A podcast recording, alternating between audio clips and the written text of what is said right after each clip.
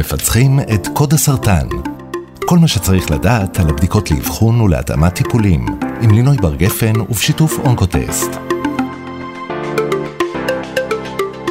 שלום, תודה שהצטרפתם אלינו לעוד פרק בפודקאסט מפצחים את קוד הסרטן.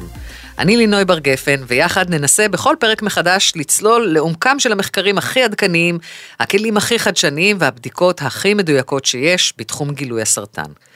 את הפרק הזה אנחנו נקדיש למחלה שבאופן אישי אותי הכי מפחידה, סרטן הריאות. שיעור התחלואה בסוג הזה של הסרטן נמצא בעלייה מתמדת, והממאירות של המחלה מהווה את גורם התמותה המוביל מסרטן בקרב גברים בישראל. בכל שנה מאובחנים יותר מ-200 אלף בני אדם עם סרטן ריאה בארצות הברית, בישראל 2,500 חולים חדשים. איתנו באולפן פרופסור ניר פלד, מנהל האגף האונקולוגי בבית החולים שערי צדק, מומחה בגידולי חזה וריאה. אנחנו ננסה איתו להבין מהם החידושים בתחום האבחוני והטיפולי. שלום פרופסור פלד. היי, שלום, שלום. 2,500 ישראלים כל שנה, היית מצפה שהירידה בכמות המעשנים תשפיע גם על הנתון הזה, לא? הלוואי והייתה ירידה אמיתית באחוז המעשנים. אה. זו בשורה לא טובה. אנחנו רואים שהצעירים כן. מעשנים, מתעלמים, או שלא מודעים, או שזה לא מגיע אליהם, והמאמץ ל... לא להפסקת, אלא לאי התחלת עישון, הוא די כשל. באמת? מאוד. וגם כשיורדת השכיחות של העישון, הזמן לירידה בתחלואה הוא ב-time 0 פלוס 20 שנה. אז זאת אומרת שהגל שראינו בעשור האחרון של המון אנשים שנגמלים, לא צעירים, כן, אבל שנגמלים אה, אה, מעישון, בין השאר בגלל ההבנה של התחלואה, לא רק בסרטן ריאות כמובן, אבל של התחלואה ש, שעישון יכול לגרום, זה, אנחנו נפדה את, ה, את התועלת מזה. נרגיש אותה רק בעוד עשור או שניים. אה, אני, אנחנו נראה את זה בעוד עשור או שניים, אבל ה baby boomers או הצעירים של היום מעשנים. Mm-hmm. והדבר הנורא הוא שדווקא שנות העישון הראשונות, Mm-hmm. נאמר, אם מתחילים לעשן היום באיזה גיל? שמונה או 12 או 14 או 16? שמונה, הגזמת.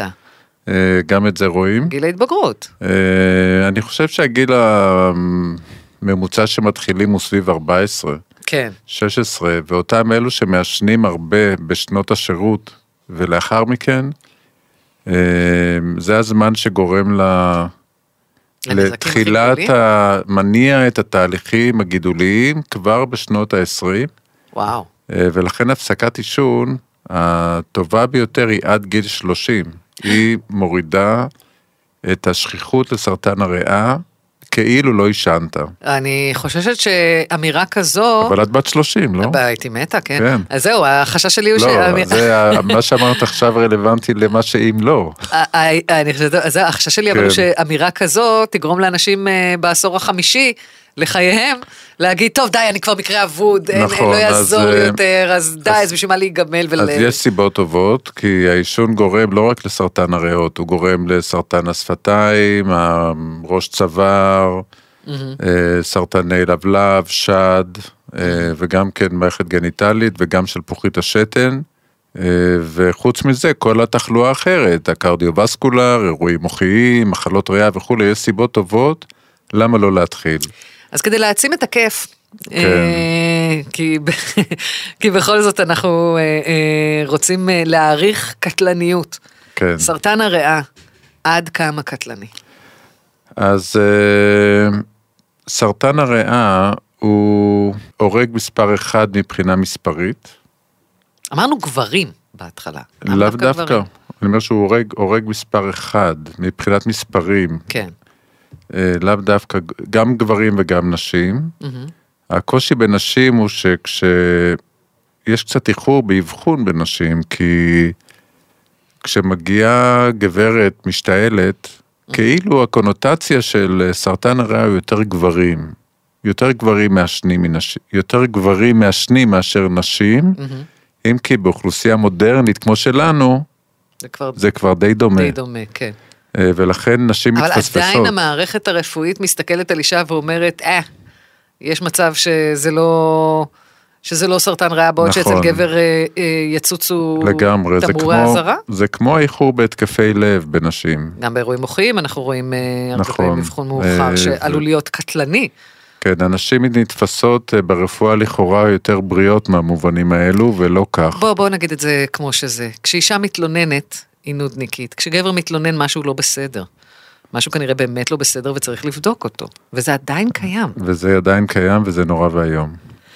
ובהקשר הזה, אה, אחד השינויים באמת, הממצאים שעלו בשנים האחרונות, אה, שסוף סוף אנחנו יודעים שסקר לאבחון מוקדם על ידי CT נמוך עוצמה, לאותם אלו שגילה מעל 50 ועישנו מעל 30 שנות חפיסה, הוא מוריד את התמותה ב-40% בנשים ו-26% בגברים. זאת אומרת... למה עדיין יש פער פה?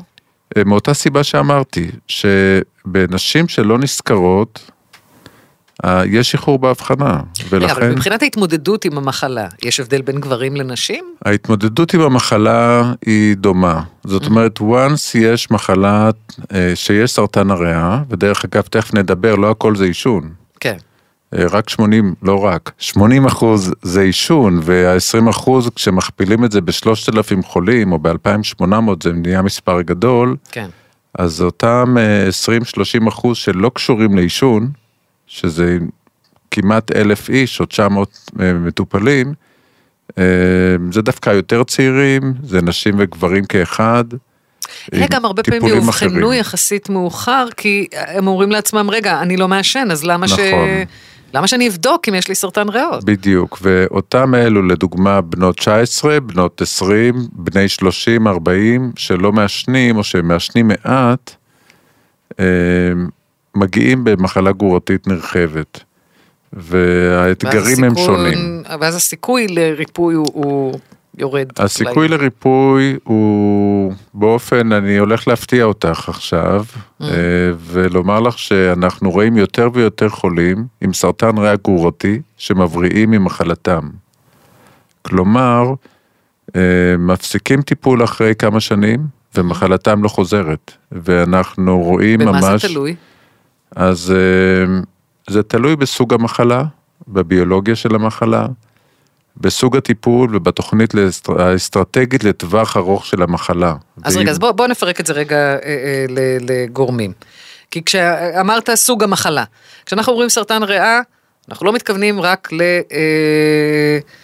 לסוג אחד של מחלה, יש מגוון. נכון. מה זה, ת, ת- תפרוט לי אותו. אז המחלה עצמה, סרטן הריאה, אה, נחלק לסרטן תאים קטנים, שהוא 100% כמעט, פרקטיקלי 100% קשור לעישון, אה, ותאים שהם אינם קטנים. ככה חילקו את זה לפני הרבה מאוד שנים, קטנים או לא קטנים. לא יודע למה לא אמרו גדולים וקטנים, אבל זה כדי לבלבל אותנו. ואת הלא קטנים חילקו לקשקשי או לא קשקשי.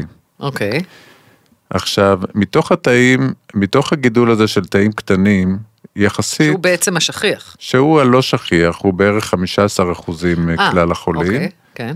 אה, מחלה שמגיבה מצוין לטיפול, מהמם. מגיבה מצוין לקרינה, אם תופסים אותה בזמן. כשהמחלה מופיעה בשלבים מאוחרים או גרורתיים, וזה קורה לרוב, אה, אנחנו אה, נאלצים לטפל במטופלים לטווח ארוך בטיפולים כימיים, יחד עם טיפולים אימונותרפיים שכרגע נכנסו למשחק, עם תוצאות אה, סבירות, אבל כשהמחלה היא גרורתית, היא תגדיר לרוב... לי סביר. אה, סביר זה שאם המחלה היא מקומית אפשר להגיע לריפוי. אבל באחוזים נמוכים, נגיד נמוכים מ-20 אחוז במחלה מקומית. כשהמחלה היא גרורתית, היא, האתגר האמיתי הוא איך חיים לטווח ארוך עם הכימותרפיה שכל הזמן צריכים אותה. זה ואז אני, אתה יודע מה, הרי הת- התגובה נכון. של אנשים זה לא המחלה הורגת אותי, הכימו הורג אותי. אז במקרים האלו חיים עם ה... לצד המחלה וצריך לראות מה יותר גרוע, הטיפול או המחלה. ואם הטיפול יותר גרוע צריך לעשות הפסקות בטיפולים, לתת לאנשים להתאושש ולהחזיר את הטיפולים כשצריך.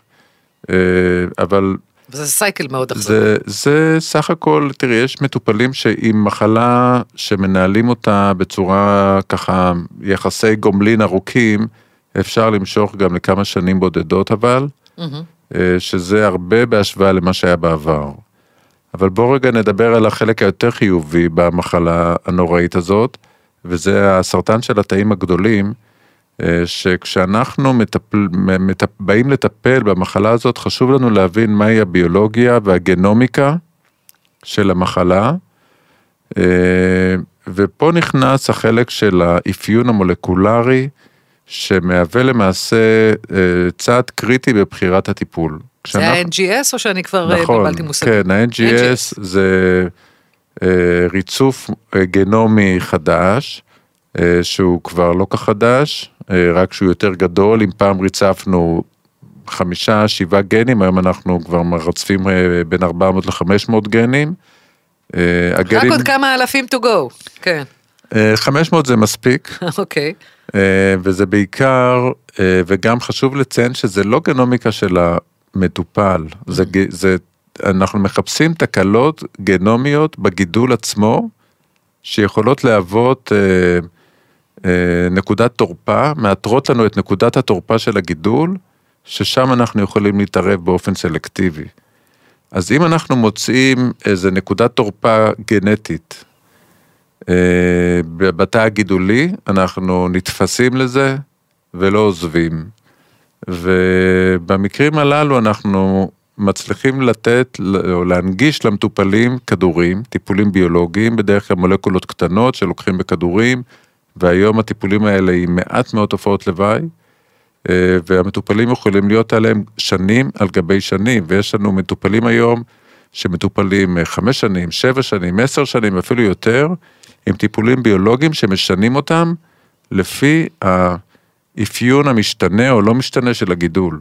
זאת אומרת, אז התפקיד של הבדיקות הגנומיות הוא תפקיד מאוד דרמטי בהחלטה איזה טיפול לתת, וכתוצאה מזה גם איזה הצלחה או אי הצלחה. נכון. לגמרי, והמשלב, הבדיקות הגנומיות החדשות, שהן למעשה נוזליות, או liquid biopsies, הן עוזרות לנו גם כדי להבין את נפח המחלה הפעיל בדם החולה, וגם מסייעות לנו לאתר את אותן מושבות שבורחות מהטיפול הנוכחי. זאת אומרת, אנחנו נוסעים עם טיפול מסוים, עושים בדיקות נוזליות, מאתרים אוכלוסיית תאי גידול שפיתחה לעצמה אה, קרניים ומנסים להתאים מחדש את הטיפול.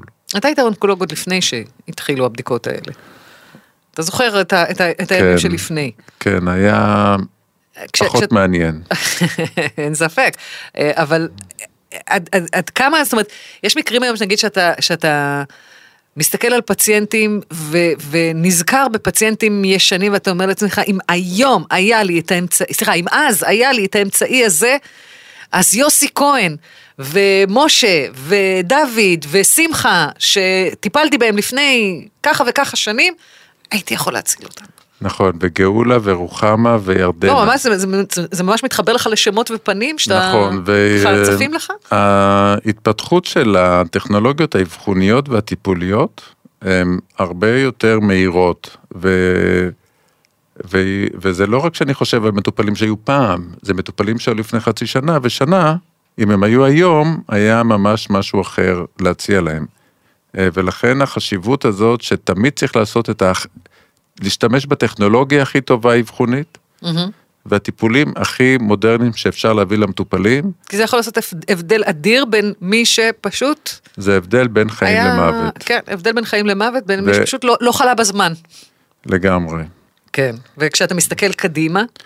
אה, כשאנחנו מסתכלים קדימה, אה, ואפילו גם קצת אחורה, המרכיב הנוסף שנכנס לטיפולים האונקולוגיים בסרטן הריאה, אבל כמו בסרטנים אחרים, זה הגיוס של מערכת החיסון אה, אה, כנגד הגידול עצמו. זאת אומרת, אנחנו היום מצליחים באמצעים אימונותרפיים, אה, וגם אותם אנחנו מנסים להתאים, לדעת מתי זה רלוונטי, מתי זה לא, באותם, עם אותם כלים אה, מולקולריים. אה, אנחנו מגייס, מצליחים לגייס את מערכת החיסון כנגד הגידול, ובכך להביא למעשה, זה פוטנציאל הריפוי האמיתי mm-hmm. לאותם חולים גרורתיים. זאת אומרת, אם אנחנו מצליחים לגייס את מערכת החיסון נכונה, יש לה יכולת למגר את המחלה באופן מוחלט, ובאמת אנחנו רואים הם זה חזון אחרית מטופלים- הימים או שזה any day now? זה פה. זה פה. אה, זה פה, אה, ודווקא באוכלוסיית המעשנים, אה, היכולת להתאים טיפולים אימונותרפיים עם פוטנציאל ריפוי הוא יותר גבוה. אני הייתי דורשת מתעשיית הטבק לממן את זה. אנחנו נשמע לי רק הוגן. אה, אה, כן, אה, תעשיית הטבק למעשה פה גורמת להרבה מאוד נזקים, אה, וגם תעשיית תחלופי, תחליפי הטבק, כן. אה, גם כן בעייתית, כי היא בעיקר יוצרת תלות התנהגותית. נכון. אה, אבל אם עוד, עוד נלך אה, לפני הריפוי, אה, כן. לאיך בכלל מבינים מה הפעולות הנדרשות, יש גם בדיקות שעושות ריצוף לא רק של ה-DNA אלא גם של ה-RNA. איך זה עובד? איזה כיף שהיה קורונה, כולם מבינים DNA, אה, RNA, כן, RNA, PCR, ברור, ברור. NGS, אנחנו כולנו תלמידים של האוניברסיטה של החיים. כן. עכשיו גם יש לה תארים מתקדמים. בדיוק. מה שקרה טוב בקורונה, שבתי החולים התמלאו במכשירי PCR. מהמם. ובהרבה מדינות, אני עכשיו עשיתי פרויקט די גדול בווייטנאם ובעוד כמה מדינות במזרח, שלקחנו את מכשירי ה-PCR של הקורונה ועשינו להם המרה לגנומיקה גידולית, אה, שזה ממש אה, פותח אופציות טיפוליות גדולות מאוד לאותם אלו שאין להם את היכולות הריצוף המ- המלאות, כמו NGS שקיימות אצלנו. זה ריצוף לעניים, בקיצור. זאת אומרת, אה, זה חתיכת תרומה של הקורונה. נכון, לגמרי. אה, איזה מקומות למשל משתמשים בזה? אה, באותם מקומות, ה-PCR למעשה, ההבדל בין בדיקות PCR לבין בדיקות NGS זה רוחב הפס לצורך העניין. אם, אם, אם PCR יודע לבדוק גן אחרי גן אחרי גן, ה-NGS בודק את כולם בו זמנית. אהה, אה, אוקיי. ולכן יש לו יתרון. אז RNA, הוא למעשה בודק את היכולת החלבונית, או בודק האם מעבר, הרי בין ה-DNA לחלבון יש כברת דרך. זה ההבדל בין התוכנית לביצוע. אוקיי, ה-DNA זה התוכנית, ה-RNA זה רמת הביצוע. אוקיי. ובין התוכנית לביצוע יש פערים שונים שקשה להבין אותם אם אלמלא נרצף את ה-RNA או את החלבון. שנבין את, ה, את האלמנטים החלבוניים, הפנוטיפים. אה, ואנחנו רואים היום שלמעט ה-DNA, ה-DNA לא מסביר את הכל. אה, והריצוף של ה-RNA מוסיף נדבך נוסף להבנת הביולוגיה של הגידול, אה, ומסייע בהת- בתפירה או בהתאמת טיפולים נוספים on top of מה שידוע מתוך ה-DNA. אז אז זהו, אתה אומר ה-DNA לא מסביר הכל. מה זה למשל סרטן ממקור לא ידוע? אה, סרטן ממקור לא ידוע זה שהאיבר שהוא נבע ממנו, או שהוא לא ידוע, או שלא חיפשנו מספיק, או שחיפשנו ולא מצאנו. איך יכול לקרות דבר כזה? אה, כשמגיע מטופל עם גרורות מפוזרות בהרבה מקומות, אז קשה לדעת מה התחיל את מאיפה הוא הסיפור? התחיל, אלא אם כן יש מאפיינים מאוד מאוד מאוד ברורים בגידול עצמו שמראים אני באתי מהכבד, אני באתי מהריאה או אני באתי ממקום אחר. מהמם. אבל זה כשה... הדרכון של הגידול. בדיוק, כשהגידול הוא פרימיטיבי, והוא כזה, אה, אין לו מאפיינים מאוד מאוד ברורים, אז קשה לדעת מאיפה הוא בא, אלא אם כן הוא ממוקם בעיקר באיבר אחד. עד כמה זה שכיח? אה, אני חושב שהגידול ממקור לא ידוע הולך ונהיה פחות שכיח. כן, אנחנו פשוט מצליחים להתחקות על ה... בדיוק, אוקיי. בגלל היכולות הגנומיות. האנטומיות, זה משפיע בהחלט על בחירת הטיפולים, מהמם. והיתרון בריצופים המולקולריים, שלפעמים הם עוזרים להבין אה, מה הטיפול. זאת אומרת, הרבה פעמים לא אכפת לך מאיפה הוא בא, מה שחשוב לך זה איך מטפלים.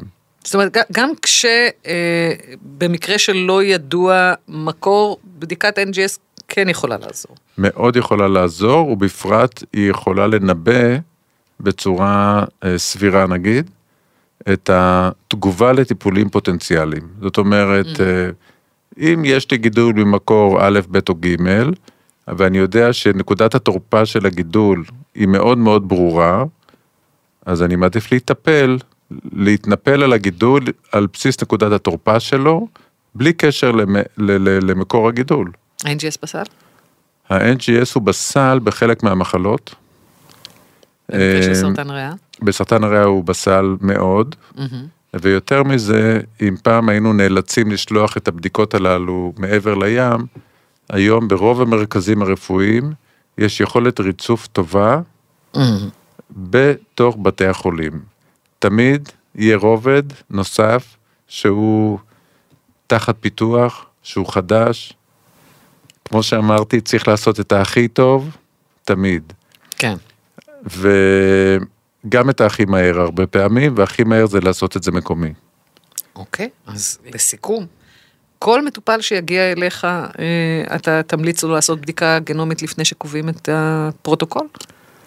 אמ, התשובה היא כן, ולא רק במחלה גרורתית, גם במחלה מוקדמת. אה, אנחנו עושים בדיקות מולקולריות, והיום אנחנו עושים יותר ויותר בדיקות נוזליות אחרי ניתוחים, כדי להבין אם יש שאריות מיקרוסקופיות שדורשות טיפולים נוספים. ולכן התשובה הזאת היא נכונה אה, תמיד, והיא רק תהיה יותר ויותר שכיחה.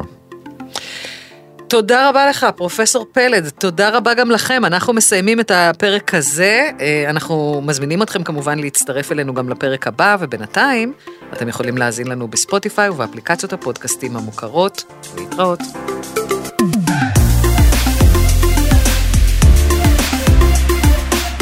כל הנאמר בפודקאסט זה אינו מהווה תחליף לייעוץ רפואי. הוקלט באולפני אדיו, המשווקת את ספוטיפיי בישראל.